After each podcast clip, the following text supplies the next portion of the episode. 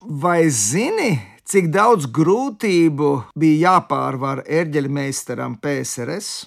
Eģeļmeistara darbu padomju laikā apgrūtināja vesela virkne ierobežojumu. Nebija iespējas iegādāties kvalitatīvus materiālus un detaļas. Ērģeles baznīcā pat tika apzināti postītas, kā ateisma kampaņas sastāvdaļa. Smagākais zaudējums ir Lestenes baznīcas ērģeles lielāki projekti bija jāsaskaņo ar Maskavu, un tostarp arī Rīgas doma Valkara ērģļu restaurācija, kuru 1984. gadā izcili pabeidza Flentropa firma no Nīderlandes.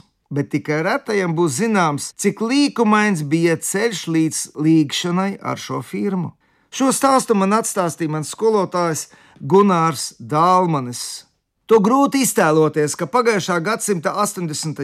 gados pat Latvijas PSR valdībai, nerunājot jau par filharmoniju, nebija iespēja norēķināties ar ārvalstīm. To visu darīja caur Maskavu.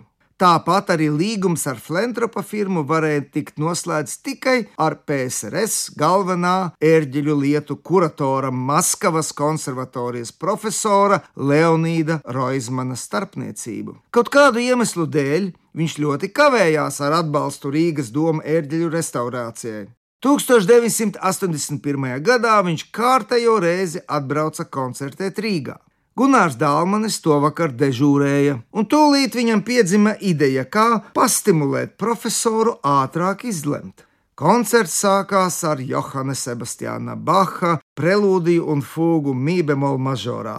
Kamēr asistente saslēdz visus reģistrus, tikmēr Dālmanis neuzkrītoši pazūd ērģelēs. Profesors nospiež pirmo varenu akordu uz pilnām ērģelēm ar visām pedāļa bazūnēm pedālī lielās oktāvas mibemols. Tomēr pirmais akords skan briesmīgi, jo reizē skan arī mazā sekunde lielās oktāvas rē. Protams, tas ir Dālmanis, kurš ērģeļu iekšpusē parauj attiecīgo skalu.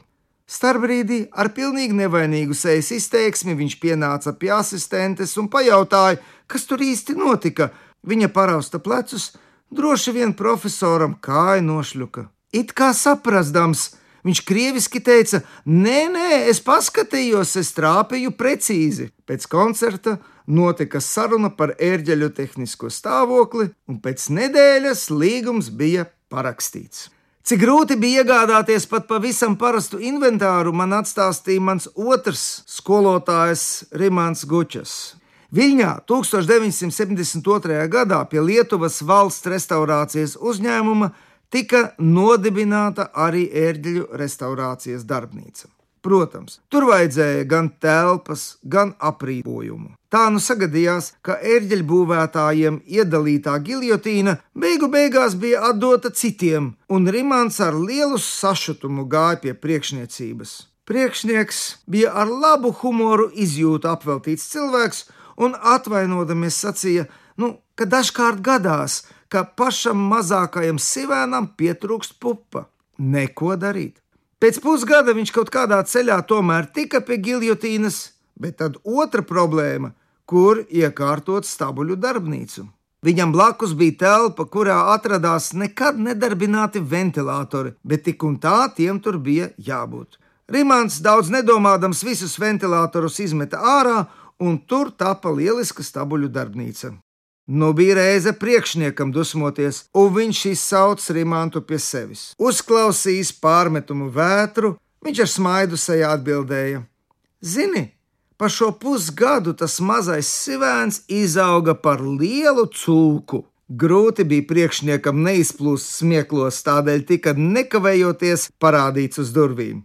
Par šo incidentu Rimants tika atalgots ar komandējumu uz Vāciju restaurātoru brigādes sastāvā.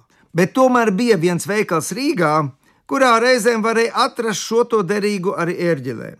Uz Leņķina ielas, tagad brīvības ielas, ja pretim vidzemes tirgum bija veikaliņš Čaklās rokas.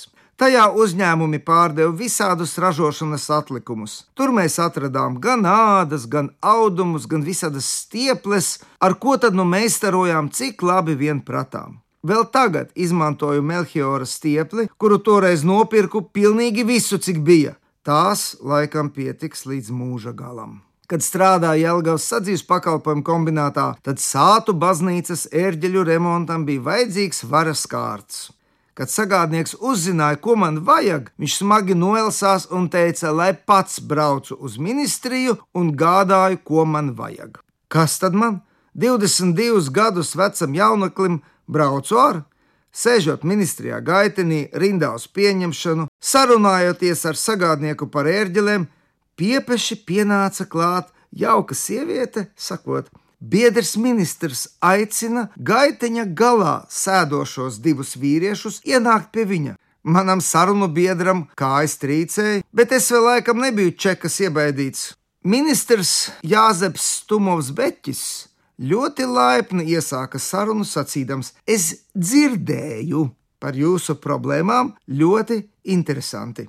Ejiet pie sagādes daļas un pēc tam izstāstiet man, kā jums gāja. Man taču jāpārbauda savi darbinieki. Saprotams, ka mana tālākā runa pie sagātnieka bija ļoti drosmīga, un es dabūju visu, ko man vajadzēja.